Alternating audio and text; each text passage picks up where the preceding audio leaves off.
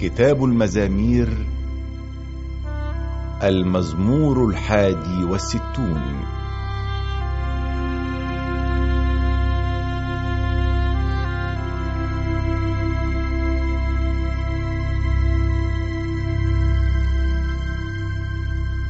اللهم اسمع صراخي وأصغي إلى صلاتي. إن انكسر قلبي أدعوك من آخر الأرض فتهديني إلى صخرة عالية لأنك أنت ملجئي وبرج حصين يحميني من العدو.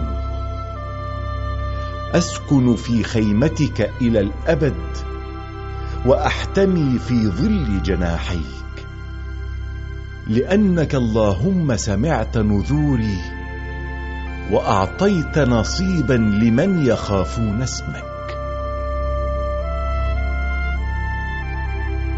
طول عمر الملك ومد أيامه إلى أجيال كثيرة.